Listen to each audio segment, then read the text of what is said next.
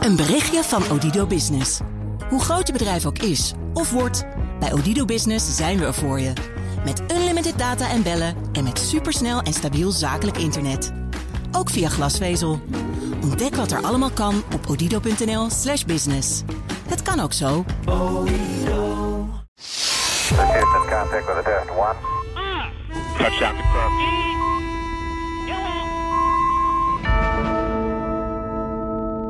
En weer een nieuwe Space Cowboys, aflevering nummer 123. Dit keer met ondergetekende Thijs Roes, dat, daar begin ik dan maar mee. En naast mij staan, Michel van Baal, goeiedag allemaal. hoi Michel en Marieke Baan, hallo. hoi Marieke. Marieke, Michel en Thijs.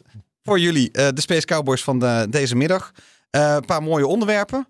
Ehm, even een kleine highlights, kleine teaser naar de rest van de uitzending. Michel. Ja, eh, treurig goed nieuws heb ik eigenlijk meegenomen, want eh, we, we leven nog steeds niet in het post-Ariane 5 tijdperk. Maar daar komen we zo wel even op terug. Een oude nieuwe raket. En Ja. Marieke. Waarmee meteen het brugje is gemaakt naar het eh, voormalige eh, Soyuz-tijdperk en het aanstaande eh, SpaceX-tijdperk. Want Euclid wordt binnenkort gelanceerd. Dat is een missie naar Lagrange Point 2. om... Daar hoor je straks veel meer over. Oeh, oké, spannend. Ik, eh, Meteen zulke moeilijke vragen stellen. Nou, dat is meteen al moeilijk.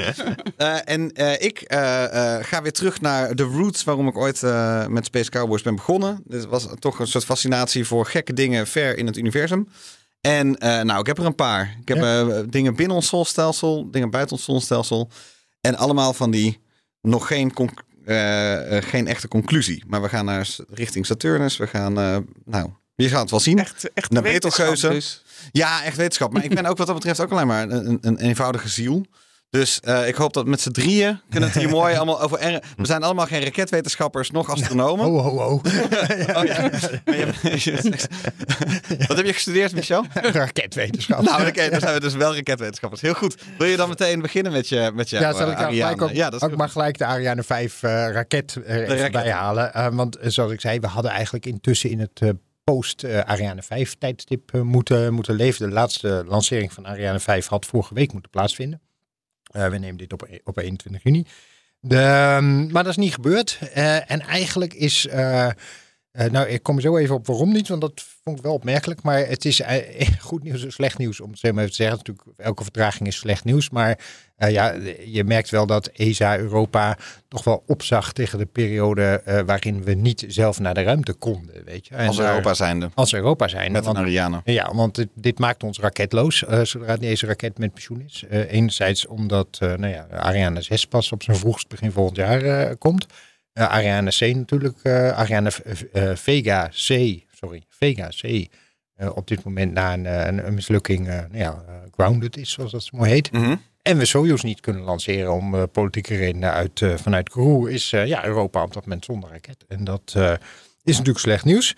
Ariane Ehm, 6 had moeten komen. Eventjes voor de mensen die dit allemaal niet zo goed gevolgd Mhm. hebben. Dus Ariane, de Europese raket van de ESA. Ja. Vijf doet het al heel lang. Zes Ja. zou komen, maar zes komt maar niet. Nee, ja, nou ja, 6, 6 heeft al een tijdje vertraging. Het is geen nieuws hoor dat, eh, dat, die, eh, dat er een periode zou zijn tussen 5 en 6 waarin, waarin je niet, eh, geen grote draagraket hebt in Europa. Dat is al wel best wel belang bekend dat, die, dat dat zo, zo zou zijn. Eh, er is nog een hele discussie achter Ariane 6, omdat die niet herbruikbaar is. En de vraag natuurlijk is, kan dat op dit moment eigenlijk nog wel? Weet Oh je ja. dat je, nieuw, je nieuwste raket eh, een wegwerpraket is? Is dat in, ja, in die zin is het de afgelopen jaren natuurlijk eh, heel snel gegaan. Dus dat is nog een andere discussie. Mhm. Uh, maar e- even terug naar die Ariane 5, want dat was de allerlaatste lancering. met net twee eh, satellieten naar een geostationaire baan. Uh, en die hebben ze uitgesteld om toch best een onmerkelijke reden, want er was uh, twijfel over het functioneren uh, van de py- pyrogenics, heet dat zeg maar, de explosieven die aan boord zitten voor de separatie van alle onderdelen. Dus, Pyrogenics. ja, dus eigenlijk um, op het moment dat, dat de boosters bijvoorbeeld, dus dat heeft een enorme boosters aan de zijkant, als die op zijn, dan moeten ze eraf. En dat gaat dus eigenlijk met hele kleine explosieven in de vorm van een draad worden die, uh, worden die losgeblazen, om het zo maar even te zeggen. Moet je ook nog op de goede manier doen. Dus eerst moet de bovenkant los en, uh, en daarna de onderkant, zodat ze wegschieten van de raket en niet naar de raket toe, zeg maar, met het laatste beetje brandstof wat er nog in zit. Dus ook nog redelijk uh, nauwkeurig. Maar blijkbaar had Ariane een, uh, een waarschuwing gekregen uit een heel ander project. Het is een beetje onduidelijk waar dan precies. Bij een ander project dat er problemen waren met die, eh, met die specifieke techniek. En toen zijn ze veiligheidshalve die, die, eh, die, die draden, eigenlijk die explosieve koorden die er dan in zitten, in Ariane zijn gaan, gaan controleren. En toen bleken ze diezelfde fouten daar ook te vinden. Althans, Ah, in ieder geval twijfel of ze wel zouden werken. Nou zijn die dingen redundant, dus er zit, eh, alles mag falen en dan is nog een, een ander, zeg maar. Maar hebben ze wel gezegd van ja, wacht even, weet je, we gaan niet, onze, de policy van Ariane is wel, je gaat met intacte redundancy omhoog. Je gaat niet Ja. van tevoren accepteren dat het niet werkt. Ja. Ehm, en al helemaal, en dat speelt natuurlijk in de achtergrond ook wel mee.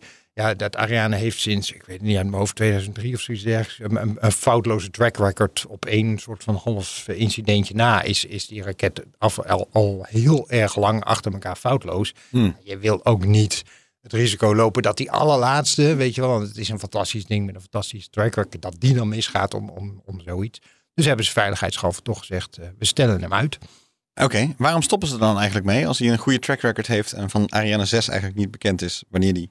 Nou, bijna altijd heeft, heeft het met kosten te maken. Dus de, de volgende generatie raketten die, eh, die ontwikkeld is per kilogram, moet die weer goedkoper zijn. Weet je, Mhm. want je, daar, daar was in het verleden, Ariane 5 heeft natuurlijk ooit de hele eh 70% van de commerciële markt in handen gehad. Eh, dan moet je denken voor SpaceX kwam, voor de goede orde. Maar ging bijna elke geostationaire satelliet die commercieel gelanceerd werd, ging met Ariane, eh, met Ariane 5.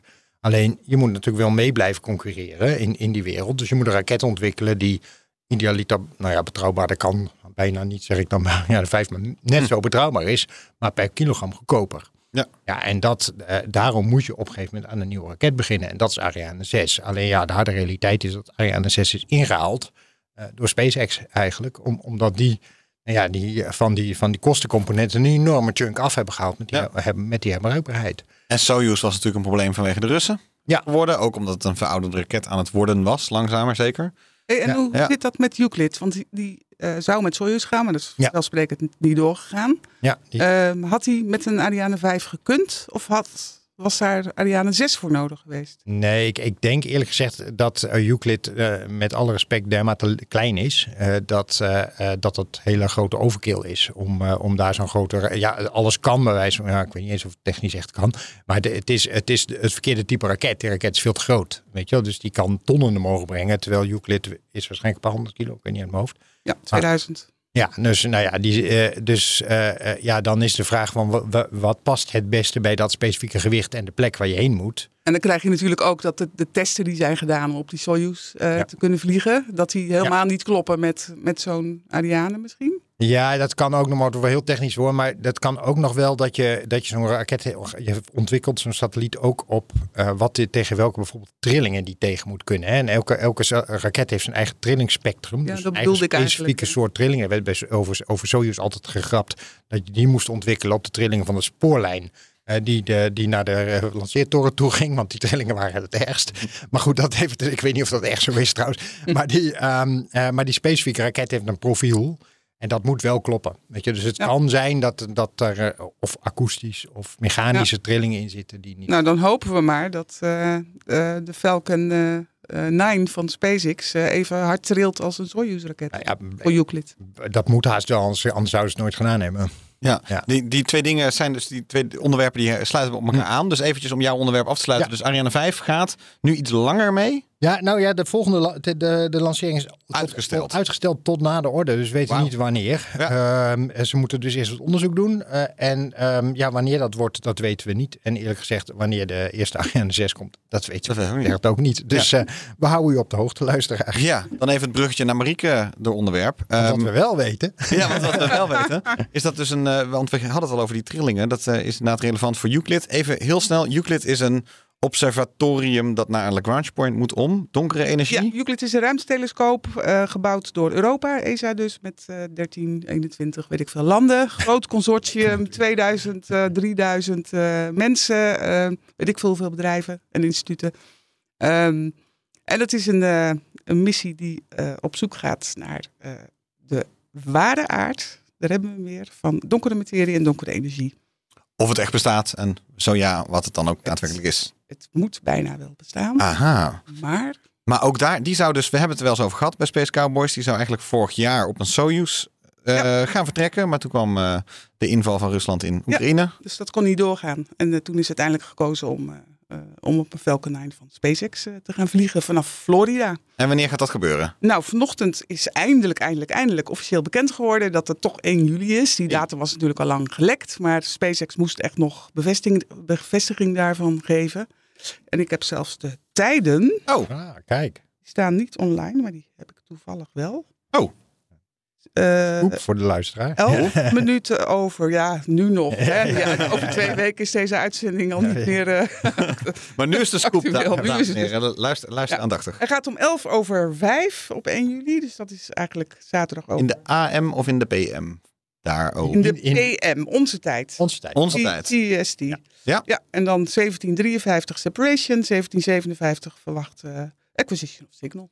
17, dus, sorry nog een keer de tijden, want dan Even over vijf. hè. even over vijf. Alles onze wordt tijd. live Ja, uitgezonden op eh, ESA op 1 Yep. juli. TV op 1 juli. Nou, dat is het ook al bijna. Ja. Ja. Nou is die Euclid volgens mij een telescoop. Heb jij, weet jij toevallig wat, die, wat voor een soort telescoop dat is? Die, eh, Als in, nou, waar die naar kijkt? Kijkt hij naar sterren? Of? ja, nee, hij- eh, de, het is een telescoop die zeg maar naar hele verre sterrenstelsels gaat kijken. Hij gaat eigenlijk is het een, een scanner van de, van de hemel. Dus hij gaat een derde van de sterrenhemel eh, daar een survey van maken. Een beetje zoals Gaia dat deed. Een beetje zoals Gaia dat deed, Oh, maar dan met een andere missie. Hè, met echt om, om te kijken wat, wat is nou echt donkere materie. Om daar zoveel mogelijk statistiek van op te bouwen. En eh, donkere energie, dus de oorzaak, veroorzaker van de versnelde uitdeling van het heelal.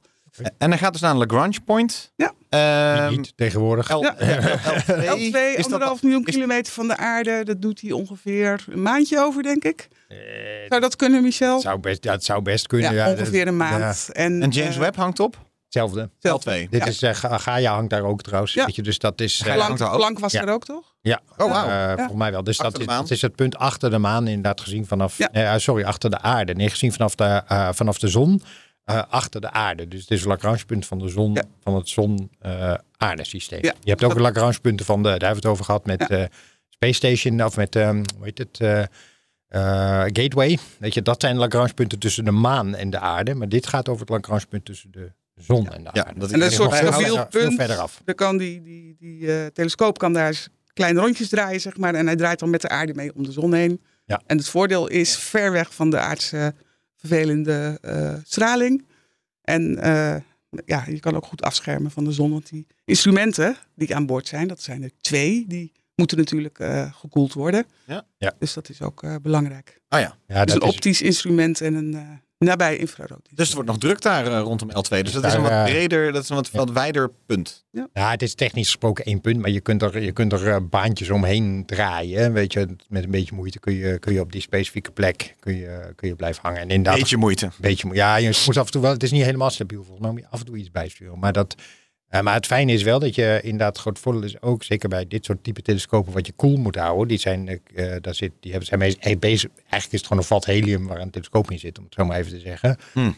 Ik, denk, ik denk tenminste dat het helium is, me- meestal, waardoor die gekoeld wordt. En die, daar, heel belangrijk bij die dingen is dat de zon mag niet in, die, in dat vat schijnen, weet je. Want dan is poef. Is, en dan, zal, nou, dat, dan is alles weg, bij spreken, weet je. Dus, dus die, om, om, die, om dat koel te houden, moet je die zon achter je houden. En het voordeel van dat specifieke Lagrange-punt is dat de zon eigenlijk altijd op dezelfde plek staat. Dus je hoeft Ah, geen ja. ingewikkelde dingen te doen om de zon uit je, uit je telescoop te houden.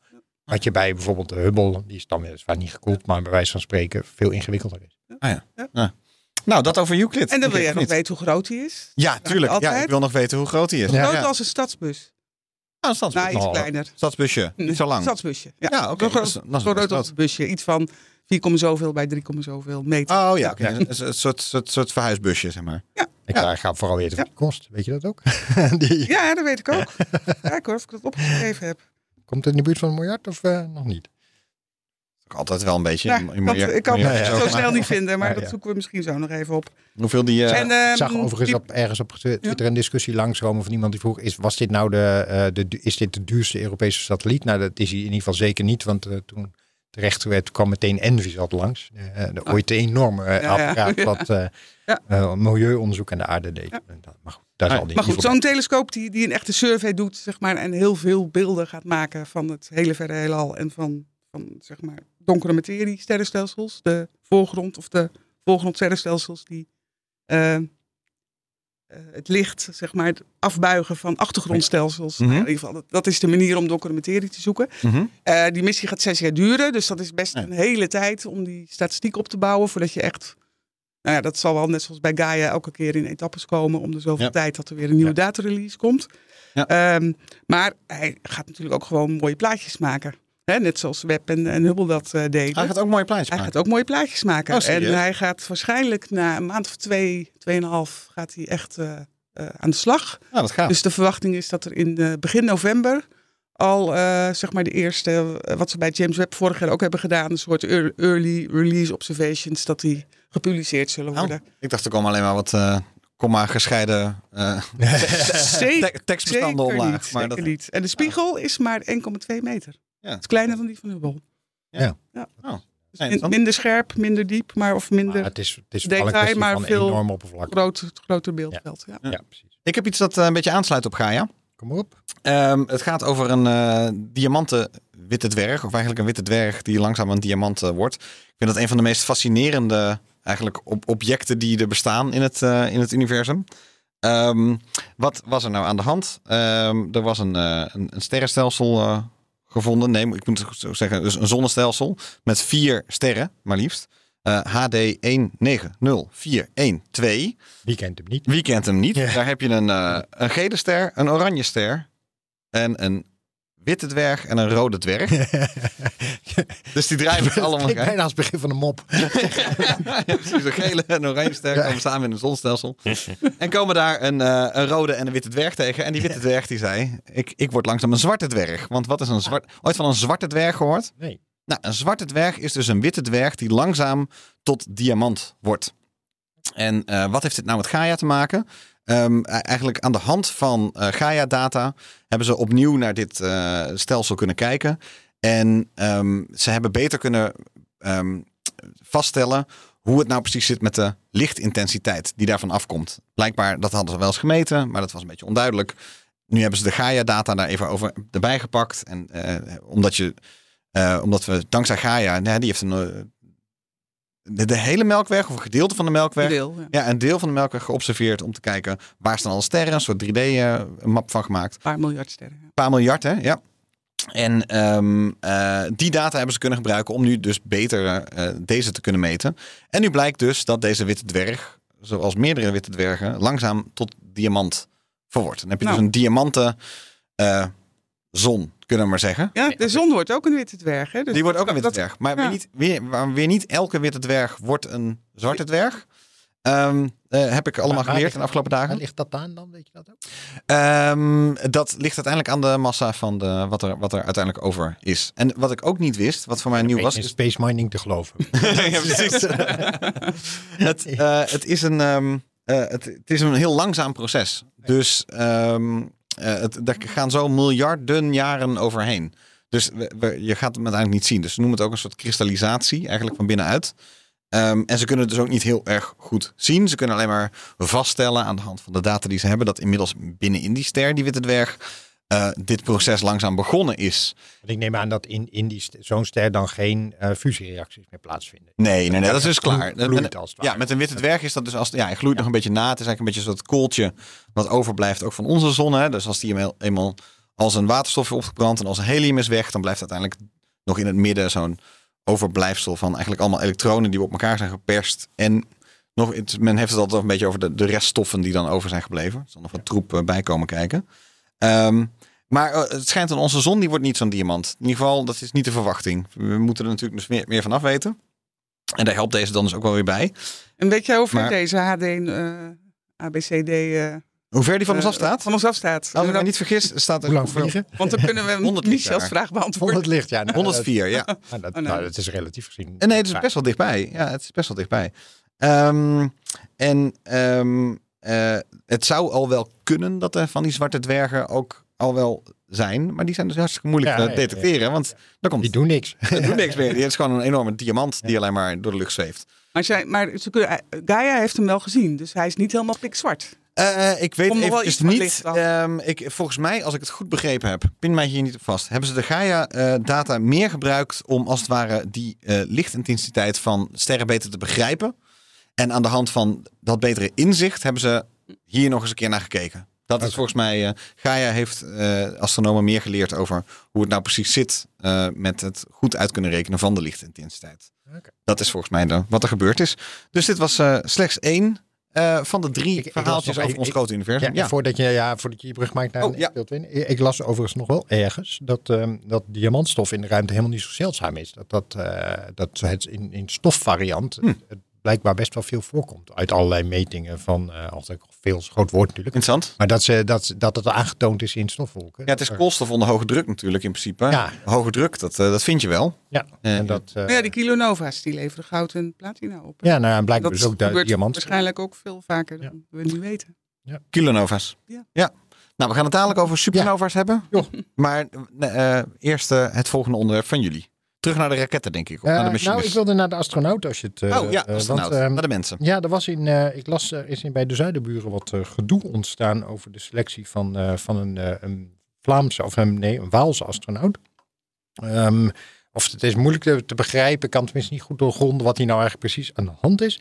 Eh, maar de, de ESA-baas vond het ook nodig om er iets in te, te- over te zeggen. In ieder geval te ontkennen bij de VRT dat het gelobby van de koning daar een rol in gespeeld heeft. Denk niet aan een roze olifant. Eh, wat wat is nou, hier aan de hand? Er is nou, niet gelobbyd door de koning. Nou, waar, waar het vooral om gaat is dat ehm, het gaat niet. Ja, de koning is hier eh, volgens mij de Belgische koning is hier een. daar gaat het niet specifiek om hoor. Het ging, er het ging erom dat een aantal politieke partijen hebben ontdekt dat de Belgische overheid geld heeft weggehaald uit, eh, uit bepaalde onderzoekfondsen, onder andere naar kleine nucleaire reactoren, innovatie zeg maar geld. Heeft weggehaald en dat doorgesluist naar, eh, eh, naar, ehm, eh, hoe heet het, naar ESA. En ja, de verdenking is dat dat dan te maken had met het feit dat, de, dat, ze, dat, dat België een Belgische astronaut wilde hebben. Ehm, daar zit als, als nou ja, ingewikkelde component achter dat, eh, dat het een waal is, eh, deze astronaut. En de, de kritiek heel erg komt vanuit de Vlaamse onafhankelijkheid, of de, de NVA, zeg maar, de, de Vlaamse nationalistische bewegingen. Dus dat maakt het ook een beetje moeilijk om te, om te, ehm, ehm, eh, nou ja, om te duiden. Maar goed, in- De trots is gekrenkt of zo. Nee, ja, nou ja, dit heeft ook met belangen te maken, denk ik. Ja. Eh, ehm, eh, tussen Hully en Zully, om het, om het maar even zo te formuleren. Maar goed, dat krijg ik allemaal niet zo precies uit. Maar het is redelijk wat gedoe intussen. Ik, er, is- er staat een nieuw een bericht van de VRT in de show notes. Mhm. Maar daar, dat zelfs ESA zich genoodzaakt voelde om erop te reageren. Interessante vraag is natuurlijk, is het waar? Nou, dat weet, ik, weet ik voor de Guur natuurlijk ook niet. En ik denk eerlijk gezegd dat, dat, dat het niet letterlijk zo is. In de zin dat, eh, voor zover ik weet, kun je nou ja, astronauten vrij moeilijk belobbyen. Want ja, je moet toch, je hebt toch wel echt vrij stevige criteria nodig om, om die mensen te selecteren. Alleen de andere kant is natuurlijk wel dat landen die veel geld betalen aan ESA, eh, eh, is statistisch gezien veel meer astronauten hebben dan landen die dat niet doen. Weet je, en dat is dus het feit dat je een grote donateur of een grote participant, is een beter woord denk ik, van de Europese ruimtevaartorganisatie bent, dat telt in de praktijk natuurlijk wel mee. Mhm. Dus in die zin is dat, is dat wel politiek. Ehm, ja, en of dat, nou ja, dus, dus dat België nu toch opmerkelijk zeg maar een derde astronaut heeft gekregen. Ja, dat, dat heeft absoluut wel met geld te maken. Ah. Of dat nou met deze specifieke lobby te maken heeft, is natuurlijk een, eh, een andere vraag. Maar mag dat dan dus niet of zo? Is het een soort ongeschreven regel dat het geen rol mag spelen, maar het speelt wel een rol? Ja, dat weet ik niet. Hm. Nee, en alle eerlijkheid, dat weet ik, Ik, niet. ik snap de rel niet zo goed. Van ja, ze hebben toch een astronaut gekregen. Dus dan, eh, Ja, maar ik denk dat de, de rel hier eerlijk gezegd is. Maar nogmaals, ik weet het fijn niet van. Maar de rel hier is dat het een Waalse astronaut is. En dat er uit Vlaamse, eh, Vlaamse potten geld is verdwenen. Ik, ik vermoed dat daar ook zo'n soort eh gedoetje zit. Maar het, het is voor, eh, voor de, de, deze Raphaël eh, Lijois natuurlijk niet zo'n hele fijne start van zijn... nee, eh, precies. Maar hij is, ik lees dat hij inmiddels eh, gewoon bezig is met de opleiding ja, uiteraard. voor astronaut. Dus Ja, nee, natuurlijk. felicitaties aan de zuidenburen. Ja, precies. Nee, zij, zij hebben er wel een derde en wij, en wij. wij niet. Ja, precies. En dat is We als- hebben er meer dan wij in ieder geval. Vanuit het perspectief dat dat met geld te maken heeft, is dat eigenlijk ook heel erg begrijpelijk. In alle eerlijkheid, dan België is in die, wat dat betreft veel, echt een veel groter ruimtevaartland dan, dan Nederland dat is. Toch wel, hè? Ja. Ja, echt. eh, ik weet niet of een fact, ik, ik weet niet uit mijn hoofd, maar eh, eh, niet, niet, het, zit, eh, het zit niet in een paar procent, zeg maar. Interessant. Eigenlijk, Ja. überhaupt. Ja, het, het komt ook wel omdat België van oorsprong veel meer een, een eh, industrieland is. Terwijl Ja. Nederland meer een handelsland is. Ja. Dus, en en omdat je die geo-return hebt, dat je industriële opdrachten terugkrijgt, Hmm. is het voor België ook voor, nou ja, voor zijn eigen industrie een aantrekkelijker gebied dan voor Nederland. Want ja, bij ons is traditioneel, ja, we hebben heel veel kennis, heel veel astronomie. Weet je, maar de, de industrie is bij Nederland nog- is traditioneel nog eens heel groot geweest. Dus dat, vanuit dat perspectief is het ook wel verklaarbaar. Ah ja, ja. Oké. Dus dat. Dankjewel, nou, eh, dankjewel. Hopelijk, ehm, hopelijk gaat dit eh, brandje snel uit. Ik heb, ik heb even een intermezzo. Nou, eh, heel benieuwd. Eh hoeveelste aflevering was dit? 123ste. Oké, dus tijdens de opnames van de 123ste eh Ja. Space Cowboys podcast Ja. is de astronomische zomer 2023 begonnen. Nee, echt waar? Ja. As we speak. Het is de 21ste. Het, eh, Dus nu net, we zijn nu net, eh, Ja. hoe noem je het ook alweer? Azimuth? Nee? eh, eh, Midzomernacht, weet ik veel. Gewoon de zomer is begonnen. Ja, de dus zomernacht. Maar waar we als planeet nu staan, dat bedoel de ik meer. Oh, zo, de ja. zon staat nu loodrecht op de uh, Keefskikking. Keefskrik. Ah. Op het noordelijke halfrond. En op het het- zuidelijke halfrond op de Steenbok. Steenbok. Ja, precies. Oh, Sorry, ja, nu ga je mij moeilijke vragen stellen. ik, zat- ik zat nog te denken bij mijn hoofd van, hoe noem je het ook alweer als nou de zon inderdaad boven, boven staan. Ja. Ehm, maar wat, eh, wat goed, dat is nu, net gebeurd dus. Ja. Want je hebt even Ja. tijd opgezocht. Ja. En, en dat was om Drie Nee. minuten voor eh, vijf. drie minuten vijf. Eh, eh, nou, dat is eh, goed, eh, goed gegaan. Nou, het eerste, eerste kwartier van de zomer zit erop, jongens. Eh, precies. Eh, nou, Marieke, je mag meteen door met je volgende onderwerp. Ja, dat is weer eentje uit de reeks eh Wow Web, zeg maar. Hebben als eh, nieuw eh, astronomisch spacebureau. Eh Ene na het andere nieuwtje. Eh, en met name met dat deels in Nederland gemaakte eh, instrument eh, MIRI. Dat is wel eh, bijzonder. Eh, een paar weken geleden hadden we nog eh, dat eh, het zonnestelsel Trappist, hè, met die zeven planeten, waarvan iedereen zo hoopt dat het een soort broertje of zusje van ons zonnestel, zonnestelsel Mhm. is. Dus daar is heel veel waarneemtijd voor op web. Ah ja. Een paar weken geleden werd nog bekend dat de planeet 1b, dus dat is de tweede rotsachtige planeet, of de eerste rotsachtige planeet vanaf de ster. Ehm, toen kwamen ze erachter dat hij toch helemaal geen atmosfeer heeft. En gisteren kwam in Nature dat eh 1c, dus dat is de volgende, de Venusachtige, Ja? waarvan gedacht wordt dat er een dikke, dikke atmosfeer omheen zou zitten. Die blijkt eh, amper een atmosfeer te hebben, een hele dunne. Oh man. Dus daar gaat, eh, daar, daar, gaan, daar, gaat, daar vervliegt de hoop. ja. Stukje voor stukje. ja, ja. Nou, ik, ik hoorde laatst overigens dat eh, de, ho- de hoop, weet je, over met name de, de zoek, zocht naar atmosfeer, atmosferen, die ik bij James Webb altijd zo fascinerend eh, vond, dat, dat James Webb daar helaas ook nog best wel beperkt in is. In de zin dat... ja hij eh, zit aan zijn grens nu met dit soort onderzoek. Dat Ja, klopt. dat maar het eigenlijk alleen maar lukt met, met klein, hele kleine sterren, zeg maar de dwergen. en relatief grote planeten die, die, die Ja. daar relatief vlak voor langs gaan. En anders die, die Ja. ster, als die ster wat dimmer is, dat is fijn, want dan kun je ook de iets kleinere planeten zien. Want van, zeg maar, bij, rondom eh, hele grote sterren kun je alleen maar de verre gasreuzen zien Hmm. en niet de kleine planeten. En Trappist was zo'n mooi voorbeeld van een dwergster. Ja. Eh, met heel veel eh, rotsachtige planeten eromheen. Ja. Maar dat heb ik ook begrepen, ja. Maar goed, we krijgen de Extremely Large Telescope over een Oh. paar jaar. En die combinatie wordt, wordt goud. Ja, Ja. Er, is, Ja. er is altijd een telescoop hierna. Ja. Maar het volgende MIRI-bericht komt er alweer aan. Dat komt ook weer in Mag ik kijken over een, eh, schemaatje? schemaatje? over een paar eh, weken. En daar kan ik nog niet heel veel over zeggen, vrees Oh. ik. Maar Oh. het is wel echt ook wel weer heel cool.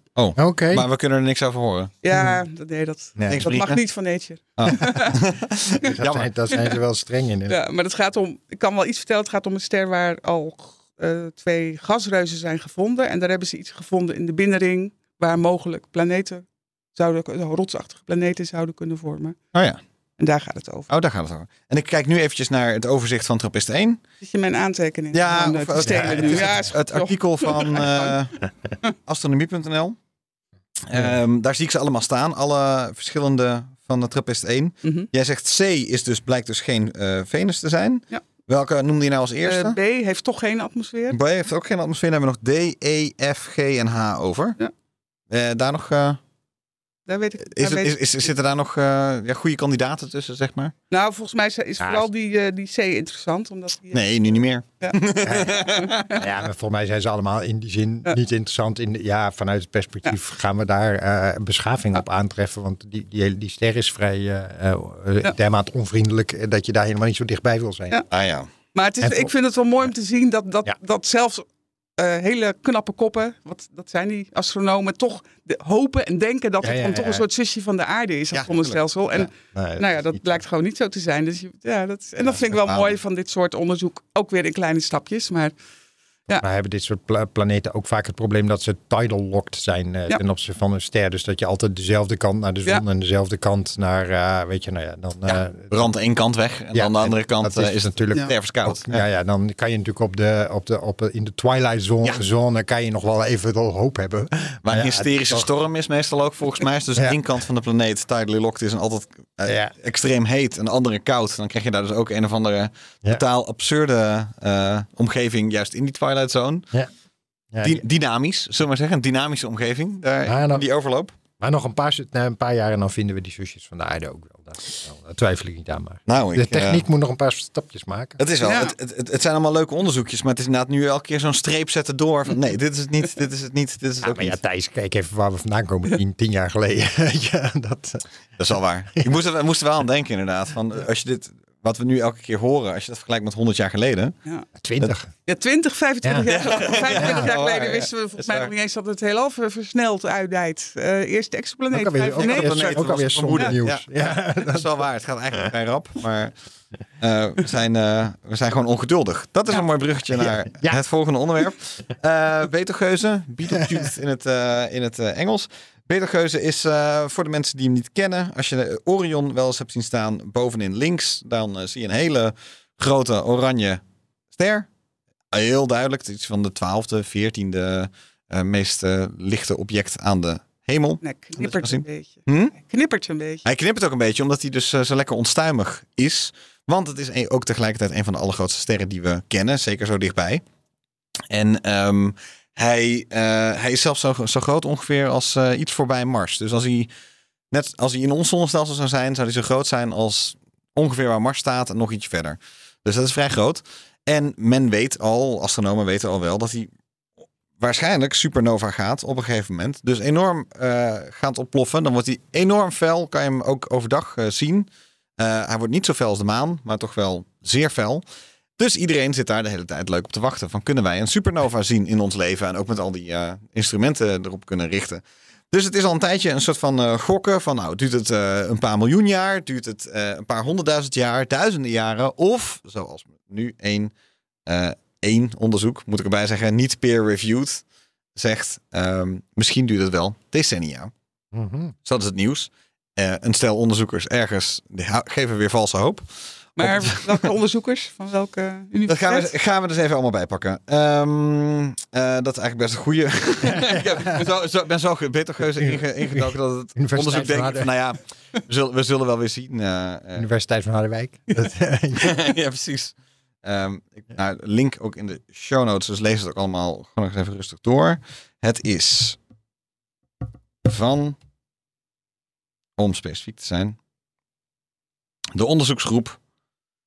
Ehm, nou, ik vind het wel interessant, want het is, zijn dus eigenlijk, eh, zag ik eh, eh, George Mignet ertussen staan. Maar het gaat over van het Tokio. Zeg het goed? Ja. En Genève, Zwitserland. Ja. Ehm, oh, ik zeg niet, ik zeg Tokio, Tokio maar het Tohoku. Tohoku University en Universiteit van Genève. Die samen, die zijn eigenlijk gaan kijken naar de pulsering van Betelgeuze. Er is, het is wel lastig, want rondom Betelgeuze, iedereen zit ernaar te kijken van, wanneer gaat dat ding?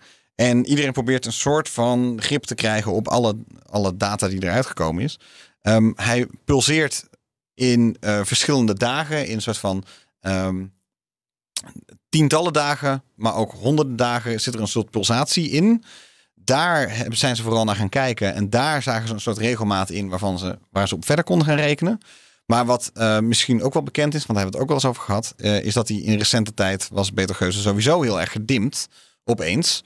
Eh, dat was in 2019, dat Ja. wordt wel de Great Dimming genoemd. Toen Hij is nu weer helemaal op sterkte, toch? daar ging ik heen. Daar ging ik heen. Ja. Ehm, eh, je kon eigenlijk lange tijd zien dat hij. Dat hij dus dan kon je zelfs met blote oog zien dat hij zich als het ware gek gedroeg. Dat hij eh, minder fel was.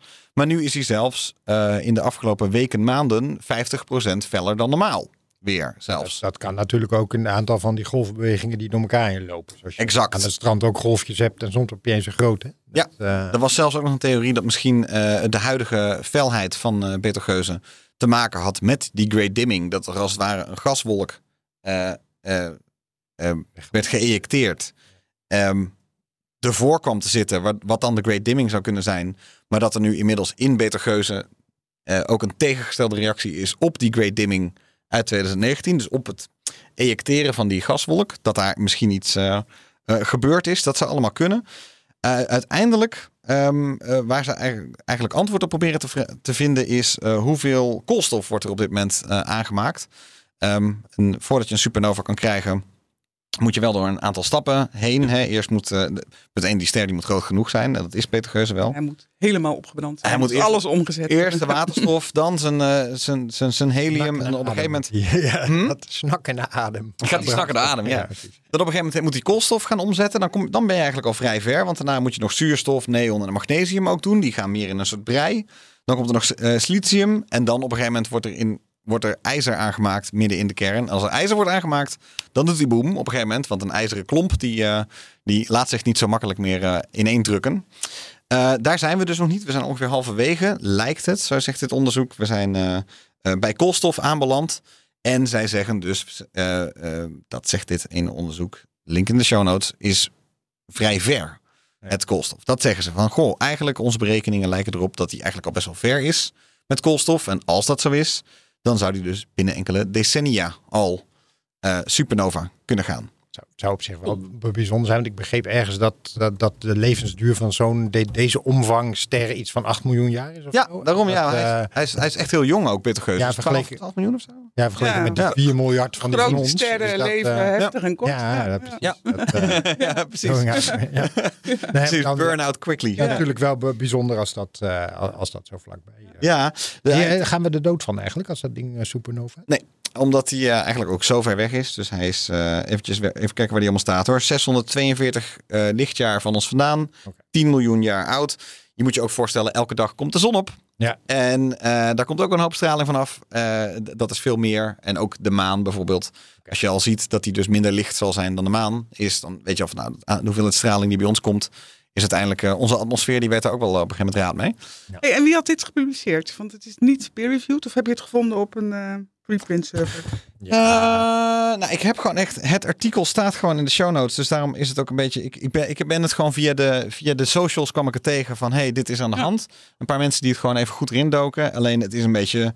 ehm, eh, en ik, eh, wat dat betreft ken ik al die bladen eigenlijk ook helemaal niet goed. Dus zou ik je ook niet kunnen vertellen wanneer het wel en niet eh, Ja. eh, goed is. Nee, maar soms is het best wel moeilijk als consument of als Ja. nou ja, geïnteresseerde consument zelfs om echt op waarde te kunnen schatten. Hoe, hè? nee, Of- en daarom moet je bij deze dus oppassen. redelijkerwijs door de peer review zal komen. Daarom. Dus het is altijd een beetje zoeken naar ehm, ehm, eh, hoe betrouwbaar is deze. En in het geval van uh, Betergeuze zou ik zeggen, wacht, ga er allemaal niet op wachten. Ga er geen vakanties voor afzeggen. Gewoon omhoog kijken af en toe. Ja, gewoon zo nu dan omhoog kijken en hou dit in de gaten. Het is gewoon een, ik vind het eh, gaaf om te weten. Eh, zoveel kan je ook in onze steden niet meer zien. Ja. Wat betreft eh, sterren. Maar Betelgeuse is eentje die je eigenlijk over het algemeen, zelfs als je Orion bijna niet kan zien, dan kan je die vaak nog wel zien. Ja. Het is leuk om een beetje voeling te krijgen met wat er eigenlijk aan de, aan de hemel te zien is. En ehm, ja, het, het is niet ondenkbaar dat een van ons of onze kleinkinderen of onze achterkleinkinderen het wel een keer te zien krijgen. En dan krijg je toch een beetje zo'n bij- zo'n bijbels verhaal van een ster die, eh, die, die aan de hemel staat Ja. en dan op een weer verdwijnt. Ja. Ik zal morgen even checken bij de, de astronoom die ook op dat artikel stond over die eh eh, Mhm. ding. Of het een beetje betrouwbaar is. Ja, wat hij ervan Ja, vindt. ja, en dat laat dat- ik je ja, weten. ja. Dan kun je eventueel de show notes nog Nou, aanpassen. op Twitter, op Twitter, ik kan bij deze er al gewoon de waarschuwing bij zetten van niet peer-reviewed. Jongens, pas op, het is maar één onderzoek. Nee, maar dat, misschien is het wel hartstikke goed onderzoek. Ik, En dan, ik eh. Nee. Ik, ik, ik, ik volg een paar van de YouTubers en die hadden allemaal een beetje hetzelfde. Zo van, nou ja, we, we, kunnen, we kunnen er verslag van doen als er een onder- onderzoek uitkomt die zegt dat het nog 100.000 jaar duurt. Die zou waars- waarschijnlijk ook gelijk kunnen hebben. Maar deze is toch ook wel leuk, omdat die... eh ja, Pieter Geuze, wat dat betreft, dus ook in zelfs in de afgelopen twee, drie jaar, eh, vier jaar, gedraagt zich op zo'n gekke manier dat er dus, wat dat betreft, dus, hij zorgt wel voor actie. Laat ik zo, eh, laat ik het zo Helemaal. zeggen. Ja. Ja. Ehm, dus tot zover Peter Geuze. Wie wil? Ik heb nog wel een. eh, Heb je iets? eh, ik heb nog wel wat, ik heb nog wel wat leuks. We hebben eh, de derde flyby gehad van, eh van Beppie Colombo bij, ehm, rondom eh, Mercurius. Oké. Nou, toch altijd een beetje, nou, niet echt een spannend moment, maar het is wel even een eh, momentje om, om bij stil te staan. Ook van ESA? Ook van ESA, Colombo. Ja, deels. Hij is ook Japans. Eh Bepi Colombo is een eh, soort dubbele satelliet. Die, hij gaat, moet straks in twee stukjes, zeg maar. als die in eh, 2025 eh, aankomt bij, bij Mercurius. Dat wil zeggen, daar, daar, daar is hij dus nu al wel drie keer geweest. Maar hij moet in een baan om Mercurius gebracht worden. En dat is heel erg ingewikkeld. Het is een heel stuk makkelijker om naar Saturnus te gaan dan, eh, eh, dan naar Mercurius. Omdat je richting de zon valt? Eh, ja, je, je, moet, eh, je moet je snelheid aanpassen aan die baan van, eh, van Mercurius. En dat, is, eh, dat kost of heel veel energie of heel veel tijd. Weet je? Hmm. En in dit geval bijna altijd kiezen ze dan voor veel tijd. Eh, dus deze, deze heeft, eh, doet iets van, wat was het? Even goed kijken. Sowieso al zes eh, eh, flybys van Mercurius. En volgens mij heeft hij ook nog iets van twee keer aarde en twee keer Venus al gedaan. Ik weet me niet vast of het nou één of twee was, maar... Ehm, eh, en dan, dan moet je ook nog eh 15.000 uur met de ionotruster de, de snelheid eruit halen, zeg maar. Of in ieder geval, wat vooral de kunst is, niet zozeer dat je de snelheid verandert, maar je verandert telkens net de hoek waarin die beweegt. En wat, je, wat ze eigenlijk doen is, ze brengen naar Mercurius en dan wordt het vanaf Mercurius wordt het in lips. Die dus telkens weer bij de baan van Mercurius uitkomt. En elke flyby maken ze die lips een klein beetje kleiner. Weet je, dat is Oh ja. het idee. Dus dat die als het ware steeds kleinere ellips tot die ellips een rondje geworden is. Oh ja. En dan kun je je laten invangen door. Ja, dan opeens kan die hem vangen. Ja. Ja, dus dat is echt wel weer, eh, weer biljarten voor gevorderde. en we zijn eh, wat betreft de flybys van, ehm van Mercurius nu op de helft. Want dit was de derde van de, van de zes. Ehm, eh, en wat ik wel opmerkelijk vond is dat hij, hij gaat best wel, eh, ik vond het best dichtbij. 236 kilometer boven het oppervlak. Eh, nou, dat, is, dat, is, dat vind ik best dapper. Dat voelt altijd best dapper als je, hoeft maar een klein foutje te maken, weet je. En, en je bent hem kwijt. Maar 200, ja, 200, hij gaat dan op 236 kilometer hoogte boven die, ehm, eh, boven de planeet langs. En nou het levert weer mooie plaatjes op. En die zetten we uiteraard weer. Eh, Oh, die, eh, in- maar die, hij moet nog gebeuren, toch? Of niet? Of Nee, is hij is gebeurd. Hij is, eh, Oh, de was plaatjes deze zijn er ook al. Een paar dagen, een paar dagen geleden. Ik zie ze, ja. Verdomd. Ja. En Oh, wat dat, gaaf. eh, dus, eh nou, so far so good. Wat doet En, BP Colombo daar, eigenlijk? Nou ja, uiteindelijk onderzoek door naar Mercurius. Volgens mij zit er, ik weet niet helemaal uit mijn hoofd, ik heb niet heel precies naar gekeken hoor. Maar er zit volgens mij twee satellieten in. De een volgens mij richt zich echt meer op het, nou ja, zeg maar, met camera's naar, eh, naar Mercurius kijken. En de andere is, dacht ik, eh, de magneetveld. Onderzoek aan Hmm. het magneetveld. En volgens mij hebben ze die magneetveldsensoren ook nu aangehad bij deze eh, flyby, omdat eh, ze komen niet meer zo dichtbij straks. Dus op het moment dat je in een orbit zit, die orbit is veel hoger. Dus nu, dit, je komt nu relatief dicht bij het oppervlak. Dus wel hebben ze wel metingen gedaan en dat magneetveld eh, tijdens, de, tijdens de flyby al. Kun jij, Oh ja. weet jij meer? Nee, ik weet het Eh, niet. dat, eh, nee. Die, En het is gewoon een ESA-missie. Hè? nou ja, deels. En dus eh, deels JAXA, die magnetosfeer orbiter module, Oh ja, is, eh, die is Japans. Ah ja, vandaar. Ja, leuk. Ja. Nou, heel gaaf. Ja, dus eh, nog even geduld. eh, en dan, maar er worden komen er nu meer, zeg maar nog. eh, het gaat volgens mij ook wat sneller achter elkaar nu met die flybys. En dan zou die eh, zo ergens in de loop van 2025 in een baan om, eh om Mercurius terecht moeten komen. Oké. En dan Ja. ze echt te werk beginnen. Ja. We houden hem in de gaten. Alright. Ik zit even te denken, eh, misschien moeten we naar Enceladus toe. Dan blijven we in ons eh, eigen zonnestelsel. Ehm, ik zou eh, graag even mijn Dan eigen... heb ik weer een associatie met Mexicaans eten. Maar ja, goed. Oh. dat bedoel je niet, denk ik. Eh, nee, nee, nee, nee, nee, helemaal niet. Wat, hoe zou Mexicaans eten en Enceladus? ja, dat, Enchiladas. Enchiladas. Oh jezus, dat is oh mijn Heel god. niet, heel niet veel. Oh mijn god. Eh, daar zijn, eh, ja, nou. En Enceladus, hoe, eh Enchiladas. Voor mij mag Ehm, je enchiladas. En eh ijsmaantje rondom Saturnus. Eh, leuk, erg leuk. Ook vaak over Mooi gehad om hier. te zien. Mooi om te Wit zien. met die blauwe aders en die gekke gijzers. Ja. Geweldig. Ja. En, heel bijzonder- toch? Dat is maar een klein... Heel klein. Hij past tussen nou, Amsterdam en Berlijn eh, nog niet eens, als je hem Ja. neer zou leggen. Zeg maar. Door de helft zou eh, snijden. Ehm, hij is nog, nog zelfs iets kleiner dan dat. En eh, eh, waarschijnlijk wordt hij dus door, even voor de mensen die hem niet kennen, eh, als een soort tennisbal opgewarmd door Saturnus, waar hij omheen vliegt. En hij is van ijs. Dat betekent dat hij eh, vloeibaar zou kunnen zijn. Is hij waarschijnlijk vrijwel zeker. Van binnen met een oceaan eronder, met een ijslaag eromheen. En dat zou dus kunnen betekenen dat als daar water is, en er is water, eh, dat er leven zou kunnen zijn. Daar is men eh, naar aan het zoeken, al een tijdje. Cassini, die is ooit, ja, die was eigenlijk Saturnus aan het onderzoeken, maar het lukte om ehm, eh, Cassini door een pluim heen te laten vliegen. Die uit Enceladus kwam. Dus eh, Enceladus eh, heeft een soort gijzers eh, aan het oppervlak, oppervlakte. Daar spuit de hele tijd allemaal zooi uit. Die zooi, daar is Cassini doorheen gevlogen en vond toen geen fosfor, geen fosfaten in.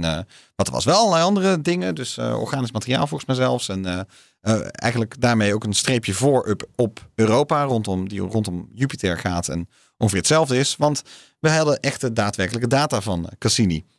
Nu was- dat spectrumanalyse? Heb je enig idee hoe die dat vond? Eh, Eh, ik heb met eh, Jonathan eh, Le- Lenine eh, gesproken, die, het, die, die de hoofd van het onderzoek was. Maar hoe die het nou precies Eh, deed, hij had het over sniffing. Ik weet niet, eh, nou, hij, hij rook eraan. Maar blijkbaar was die methode niet helemaal, ehm, eh, niet helemaal goed. Eh, want eh, die directe manier was waarschijnlijk niet zo goed om fosfaten te ontdekken. Wat, is er nou met, wat gebeurt er nou met, die- met al het spul dat uit die gijzer komt? Dat blijft in een baan rondom Saturnus. Dus een van de ringen die je eigenlijk ziet rondom Saturnus is gewoon, de, zijn de overblijfselen van, eh, ja, die eigenlijk uit de Enceladus komen. Salades gijzers. Ja. Eindslatersgijzers komen, ja precies. En ehm, door deze ring eh, te checken, eh, daar hebben ze uiteindelijk die fosfaten in gevonden. Dus eh, in, eh, in die data. En dat is volgens mij nog steeds wel eh, Cassini ehm, data, maar ook weer, ja, die, die, die ligt al lang diep in Saturnus.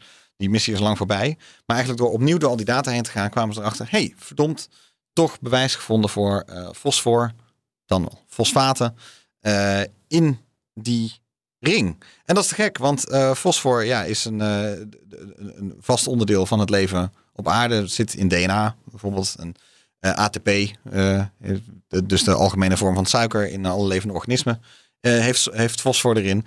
Dus het is een soort van bouwsteentje dat we eigenlijk misten daar. Is er nu toch gevonden. Ja, dat zegt natuurlijk weer niks over. Is het dan ook daadwerkelijk leven? Maar het is toch wel weer een erg leuke, erg leuk Mini-stapje. mini-stapje, datapuntje. Zo. steps. Ja. Ik meende overigens dat de astronomen er ook opgewonden over waren. Niet zozeer vanwege die levensvraag. Ja, die is natuurlijk altijd spannend. Maar ook vanwege de oorsprong van, eh, van enchiladas. Nou kan ik het ook niet goed zeggen trouwens. Dat, ze, eh, We zelf, noemen hem weet je, taco's. omdat, dat, eh, omdat dat suggereerde dat, dat dan de, de, de planeet oorspronkelijk ontstaan moet zijn, moet zijn op heel grote afstand van de zon. Eh, vraag me niet waarom hoor.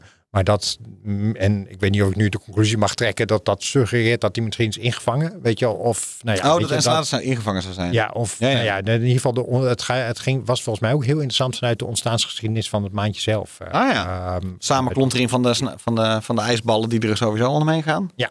Ja. Ja, en, dat, eh, eh, en de interessante vraag, ja, het is een van die, van, die, van die potentiële plekken waar je leven zou kunnen gaan zoeken, bij wijze van spreken. Omdat ik ook wel eens begrepen heb, dat is vooral, het is niet zozeer de warmte van, eh, eh, van Saturnus die, die dat ding vloeibaar maakt, maar het feit dat die continu gekneed wordt door het, door het enorme gravitatieveld. Waardoor maar ja, er eigenlijk al een soort kneedeffect zit en dat genereert dat dat ding warm blijft, vloeibaar is en, nou ja, en, en inderdaad een, een oceaan lijkt te hebben. Mhm. Ja, wat daar dan in zit. Ja, dat, is was, zit er ook één voor Juice trouwens? Waar eh, Juice langs kwam? Eh, oh nee, Saturnus. Nee, dat is Nee, nee, Jupiter. nee. Eh, Jupiter. dat is Jupiter. Sorry. Andere, deze, deze moeten we nog even wachten. En er misschien wel, dat schrijven de onderzoekers, trouwens van de Universiteit van Berlijn, eh, dat er misschien wel honderd keer zoveel fosfaten aanwezig zouden kunnen zijn in de oceaan van Enceladus dan in de aardse oceanen. Dat is ook nog wel interessant. Nou, dat zijn hele fanatieke algen dan die daar zitten. dat is, Heel fanatiek. Blauwe alg uh, Enceladus. Ja. Nou, eh, ook dat houden we weer in de gaten. Ja. Het- er zijn ook wel eh, nog steeds plannen voor missies die kant op. Maar Europa staat volgens mij op dit moment weer eventjes iets, iets hoger op de lijst. Ja. Ja. Europa Clipper komt volgens mij eerst aan. Ja, en daarna Juice.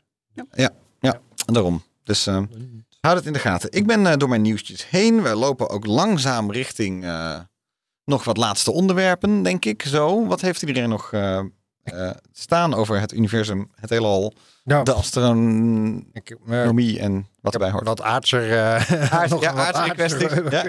aard- nog een paar we gaan kwesties. over centjes. Namelijk dat nu, we hebben het er al eens eerder over gehad, maar daarna uitziet dat, of niet naar uitziet, het is zo dat Virgin Orbit nu definitief failliet is. Oh ja, dat, het over gehad natuurlijk. ja, we hebben het eerder over gehad, hè, dat ook dat vliegtuig wat zij gebruikten om, ehm, eh, hoe heet het, eh, om raketten van onder de vleugel te lanceren, dat vliegtuig, dat was al verkocht en nu heeft eh, de, de allerlaatste scraps, zeg maar. Dus de, de allerlaatste overblijfselen wat niemand nog wilde hebben. Die zijn nu opgekocht door Firefly Fly Aerospace. Mhm. Dat is ook een van die starters. Ja, ik weet niet of je starter kan noemen, maar van die nieuwe bedrijven die bezig is om een, om een raket te ontwikkelen. Ietsje zwaarder dan het, het, het onderste segment. Nog niet zo super succesvol, geloof ik trouwens. Eh, maar die, die hebben nu dat eigenlijk opgekocht. Eigenlijk vanuit de gedachte van er zitten vast wel, ik meen voor 3,8 miljoen, er, zi- er zitten vast nog wel wat, on- wat onderdelen eh, en eh, eh, spullen tussen die we kunnen hergebruiken. En de rest verkopen we wel door. Vanuit dat Kopen het koper op. ja, Ja. ja. dus dat is. en daarmee zijn de bezittingen van, van Virgin Orbit eigenlijk redelijk ja, verspreid geraakt. Eigenlijk onder alle concurrentie. Want er zijn ook een aantal concurrerende bedrijven die de, die de fabrieken en de, eh, de, pla- eh, hoe heet het, de, zeg maar de faciliteiten daadwerkelijk hebben overgenomen.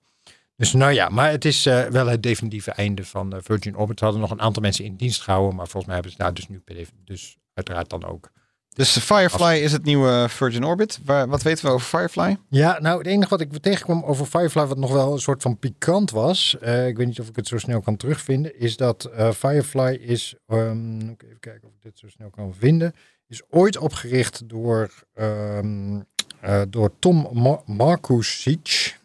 En die, ehm, die is eh, grappig, of nou niet grappig, ironisch genoeg, eh, terwijl hij dat deed in de eerste keer eh, dat, dat het bedrijf van start ging in 2014, hebben ze een, een Metalox motor ontwikkeld. Dus op een motor, motor op methaan en, en, wa- en zuurstof. Hmm. Wat SpaceX ook Ja, gedaan. Met, met Starship. En, die, ehm, en vervolgens werd hij gesoet door zijn voormalige werkgever. En dat was Virgin Galactic. Dus dat, dat is in dit verband natuurlijk wel weer een soort van pikant. Ja. Omdat hij omdat hij daar patenten van, van zou hebben geschonden. Of in ieder geval, nou ja, eh, dingen, kennis uit zijn, uit zijn vorige bedrijf had mee, zou hebben meegenomen. Daarna, dat is, op een gegeven moment is dat omgevallen. Toen is er in 2017 doorgestart. Daar was ook weer een te- eh, Hmm. gedoe mee, omdat er op een gegeven moment een, eh, een grote aandeelhouder was uit Oekraïne, die nogal omstreden was, die, waar de Amerikanen bezwaar tegen hadden.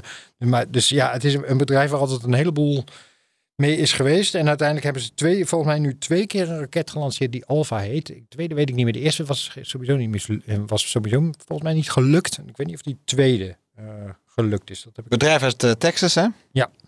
Ja, dus die hebben de boel ook opgekocht. Interessant zeg.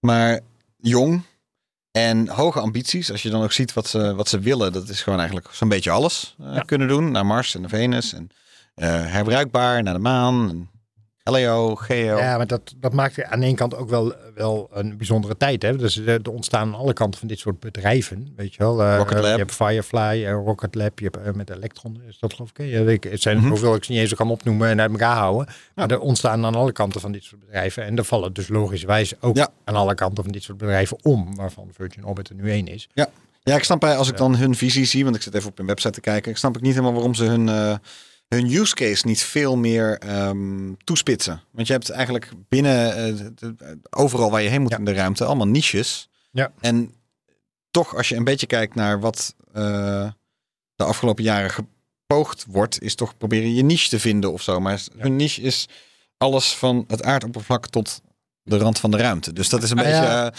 Wat je dan vaak ook zoeken. krijgt, weet je, is dat zo- zo'n partij eh, ontwikkelt dan een raket. En dat is best dat is een ingewikkelde klus. Nou, dat, eh, eh, dat, maar dat ze wel heel, bijvoorbeeld heel goed in staat zijn om een eigen motor te ontwikkelen. En die Hmm. dan vervolgens wel kunnen Ja. gaan leveren aan andere partijen. Weet je, dus het Ja. zijn ook. Weet je, je hoeft ook niet de full, de full Monty te, te hoeven doen. Nee. Weet je, je kunt ook best heel succesvol worden door één specifiek deel heel goed te kunnen. En dat gaat zich in de loop van de komende jaren natuurlijk aan met al die kleine bedrijven uitkristalliseren. Ja. Je krijgt een hele nieuwe industrie daardoor. Ehm, en dat is op zichzelf natuurlijk best fantastisch. Ja. Die, eh, en ja, wie, er- wie er dan uiteindelijk nog staat. Nou ja, Virgin Orbit dus niet. Maar met Virgin Galactic eh, begreep ik dat eh, de, de, hoe heet het, de, de aan- aandelenkoers enorm gesprongen was. Omdat Virgin Galactic had aangekondigd dat ze binnenkort de eerste commerciële vlucht willen doen. Nou, je weet hoe sceptisch ik het daarover ben. is toch iets anders dan Orbit. Ja, nee, Orbit is, was die het vliegtuig met zo'n ehm, die met een raket eronder waarmee je onbemand kleine satellieten kon lanceren. En voor Virgin Galactic is, eh, is die, ehm, hoe heet dat ding ook weer? Die, eh, Ja, een ehm, soort vliegtuig. dat eh, ruimtevliegtuigje waarmee je Mhm, One. Hoe heet die ook weer? ja, One, ja, Spaceship, Two dus. Spaceship Two. Ja. Ja, ja, Ja, ja. en daar dat Voor loopt toeristen ja, voor eh, toeristen. Nou, in New Mexico. dat was een eh, vrij beroerde Ja, tijd voor. eh, Spaceport, ja. Bestaat die nog? Hij bestaat nog Ja. wel. Eh, ja, nee, die bestaat nog wel. Ja, ja, ja. Ik ben er één keer geweest, maar dat Ik ben was ook wel geweest. Ja, dat is even laat. Ja. Vorig jaar nog eh, was ik in de buurt. Ja, met, eh, het is wel, wel ontwikkeld in vergelijking met, met 15 jaar daarvoor. Dat Truth or Consequences, dat dorpje waar het ligt, Ja. dat was echt helemaal niks. En nu is het nog steeds niks, maar Je kan, Ja, wel Starbucks, koffie. eh, Ja, precies. vier jaar geleden, zes jaar geleden. Ja, ik, weet, ik weet niet hoe jullie ernaar kijken, maar ik zag ook wel parallellen met, eh, ehm, eh, met, die, met die problemen die momenteel met die duikboot zijn. Eh, Ja, die dat, naar ja. beneden, zeg maar naar de Titanic. Eigenlijk is het dezelfde soort verhaal. Weet je? Het is een avontuur voor, eh, voor rijke mensen, om het zo maar Ja. te zeggen. Waarbij het niet altijd heel erg duidelijk is tot het misgaat wat de risico's nou eigenlijk precies zijn. Ja, nou ja, precies. dat heb ik ook wel vaker je gezegd. Dat, daar zit ik ook nog wel met samengeknepen billetjes naar te kijken voor dit soort... eh, dat zal wel gaan Ja. gebeuren op een gegeven moment, ja. Ja, nou is, eh, echt. We moeten de maar afwachten, want die mensen Ja. die dit horen, die hebben waarschijnlijk al te horen hoe dat allemaal afgelopen Ja, nee, maar de, re- de regulering is anders. Ik denk dat eh, er voor ruimtevaart toch wel wat strakker, wat strenger wordt gekeken naar, eh, naar, naar de regels, bij wijze van spreken. Ja. Maar ik, ik zag wel een parallel. Nee, ik hoop uiteraard dat het goed afloopt. Maar dat, Dat denk ik ook. dat tezijde. Het zijn we dan een beetje door onze nieuwtjes heen. Ik wel. Ik ga eens even kijken, want we hebben eh, zo'n beetje alles gehad. Ik kijk even of ik nog iets kan vinden dat belangrijk is. Ehm, ik heb op het- even een huishoudelijke mededeling. Op Twitter eh, kan je eh, ons eh, volgen op Space Cowboys Pod. En daar heb ik even een oproep geplaatst. Want ik ben op zoek naar audioboeken voor eh, sci-fi. Eh, voor op vakantie. Ja. En het resultaat daarvan kan je de hele tijd eh, op Twitter eh, zien. Maar komt ook nog in een van de volgende uitzendingen terug. Want ik zag bijvoorbeeld dat er één uitzending aankomt. Eh, waar nog niemand op het schema staat. Eh, dat is mi- midden in de zomer. Dus ik, eh, het zou zomaar kunnen zijn dat er even een nood, een noodoplossing bedacht moet worden. Met leuke, met leuke pod- podcastjes en audioboeken. Ik neem aan dat we toch met artificial intelligence deze, deze uitzending ook... als, we het dan, niet- als we het dan niet gedaan hadden eigenlijk. Hè? Precies, ja, dat kunnen we ook gaan doen. Ehm, dan ook is officieel het tweede jaar van James Webb observaties begonnen. Dat is ook wel interessant. Jij, had, jij noemde heel snel eventjes over James Webb, eh, Ma- Marieke. Ehm, eh, zag jij nou ook waar ze eh, onderzoek naar gaan doen? Hoe bedoel je dat? James Webb, de komende tijd. Ja, Want je zei van sommige dingen is, wordt, wordt meer nee, die, tijd. die programma's die staan, die staan natuurlijk gewoon klaar. Dat zijn, echt, dat zijn wel samenwerkingsverbanden van eh, internationaal tussen verschillende wetenschappers. Maar die werken echt op thema samen. Mhm. Die vragen aan. Dan krijgen ze dat. En wordt die dan Of dus niet. wordt die dan recent pas bepaald, zeg maar? Want omdat ik dus Ik zou- weet niet hoe die cy- cycli gaan met, eh, met web. Maar me- meestal is dat één keer per jaar of zo. Dat Ja. je eh, nieuwe, nieuwe waarneemtijd kan aanvragen. hoeveel tijd krijg je dan eigenlijk als je zo'n... Ik wil, Het verschilt enorm wat je Maar- wil. maar is eh, dat 10 minuten, onderzoeken. of- Ja, dat kan 10 minuten zijn. Maar het kan ook eh, drie uur zijn. Of, eh, Oké, maar wel in de orde van, van dat soort Ja. eh, tijden. ja, ja. valt toch op bij James ehm, Webb dat je weinig, ehm, ja, heel- klinkt heel stom, maar weinig plaatjes ziet. Ze komen wel eens, maar die moeten heel specifiek gemaakt worden. Het gaat toch echt heel erg om de data voor de. Ja, Onderzoekers, en, en het de gaat veel tijd overheen. Die komen, die zijn natuurlijk best eh, interessant. Ja. Maar ja, Hub- Hubble heeft natuurlijk gewoon een schatkamer Aan de eh, lopende band ook. eh, Ja. voor, voor ons verzameld. En, eh, en er komen nog steeds door. mooie Hubble-plaatjes. eh. Ja, en weet je, we, Ja. we, we hebben het vandaag over Gaia gehad, resultaten over Cassini gehad, van re- nieuwe resultaten, weet je, dat je echt denkt, ja, weet je, je, ja, je hebt er ook gewoon decennia plezier van, hè? Niet zo, niet zo Ja. ongeduldig, Thijs. ja, precies. Oh, ik heb nog eh, even een eh, heel kleine SpaceX-update. Is ook altijd fijn Ja. om even te weten. Ehm, eh, daar eh, wordt dus We- druk gewerkt aan een nieuwe Stage 0. Eh, dit keer eentje die niet aan gruzelementen gaat op het moment dat er een raket omhoog gaat. Zo- het Stage land- het- 0 is de bodem zeg maar, van het lanceerplatform. Ja, of het lanceerplatform zelf eigenlijk. Oh, ja. En dat ging nu, ging die, gingen die vlammen gewoon recht op het asfalt eh, ongeveer. Eh, en nu gaat, is er wel een soort van diversion system. Volgens mij zelfs iets met een waterkoeling Ja. komt erbij. Eh, en ome Elon zegt dat het... hij zegt zes tot acht weken, maar dat hoorde ik hem dus anderhalve week geleden ook zeggen. Wat dan nog steeds wel klopt. Maar goed, ik denk zes- maar gewoon zes tot- september. Dan, Zes tot acht weken voordat de, nieuwe, nieuwe... lancering zou kunnen gaan zijn. Ja. Ja. Dus dat, daarmee zegt hij dus eventjes ook voor iedereen's begrip half augustus.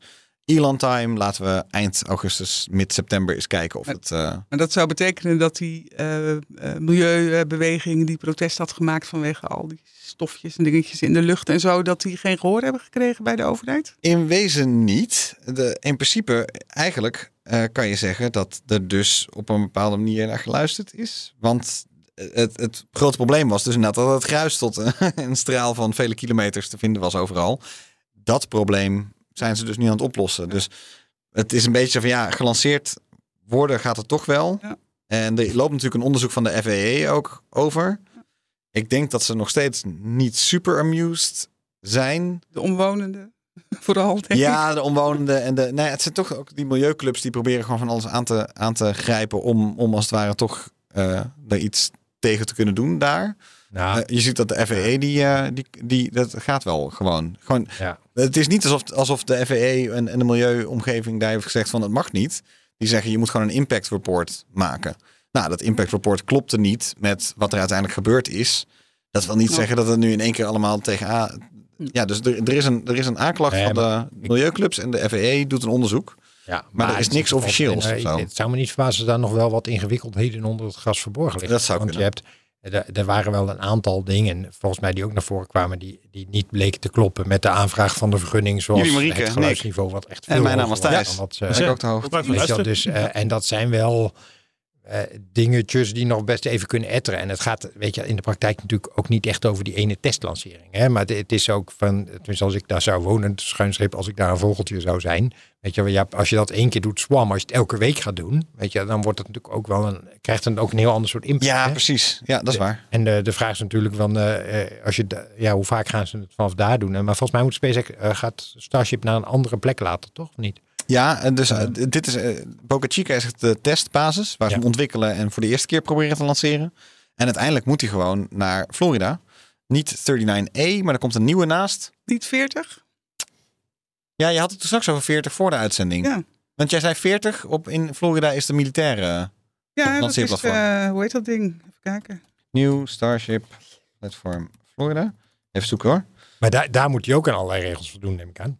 Dat, eh, Ja, daar moet hij zeker aan allerlei. Maar daar zijn ze ook natuurlijk druk bezig om iets te bouwen. En dan zie je dus ook dat dat lanceerplatform moet natuurlijk wel het, het nieuwe, Ja. het nieuwe platform eh, worden. Dus Ja, het is in ieder geval dat, dat 40 complex op het militaire gedeelte. Daar gaat eh OLS Euclid nummer- vandaan. Oké. oh ja. Ja, en, ik, en ik hoorde vandaag van iemand, dat is- kan het nog? Zijn we door de tijd? Nee hoor, je, je vertel. Dat was wel een enorm grappig verhaal. Iemand die gaat mee met iemand anders. En die zei, ja, ik zit in de VIP-groep. Maar er is dus nog een VVIP-groep. Uiteraard, ja. Die mag dan op 5 kilometer en wij moeten op 10 kilometer. Ja, ja. Ja, Maar het is wel in de buurt van 39A, maar een stukje 39 meer A, naar maar ze noemen hem. OLS nummer 2, zie ik hier staan. Dus hij krijgt dan niet een 39B of zoiets. Dat- Daar komen we later misschien op terug. Maar de- ze zijn dus op dit moment, en die chopsticks hè, en alles, die hele toren die staat er ook al hè, in eh, Florida. Alleen daar zal voorlopig niks eh, gelanceerd worden totdat hij eh, de lucht in gaat.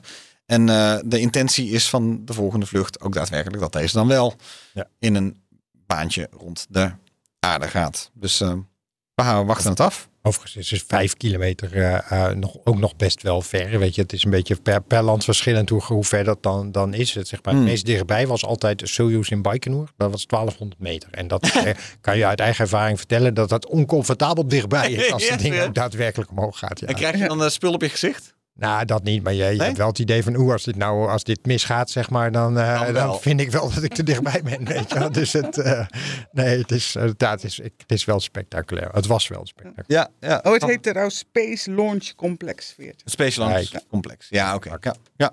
Nou, daarmee Zijn we er door. zijn we er doorheen. Dankjewel Marieke Baan. Michel van Maal. Graag gedaan. Mijn naam was Thijs Roes en je kan ons volgen op, zoals gezegd, Space Cowboys Pod op Twitter. En ook op LinkedIn de laatste tijd. En op Wat Mastodon. vaker. En op Mastodon. Oh ja. Zeker. Ja, ga, dat doet Ja. hij het nog? Jazeker. En ook op Mastodon. Doei allemaal. Tot ziens. Doei.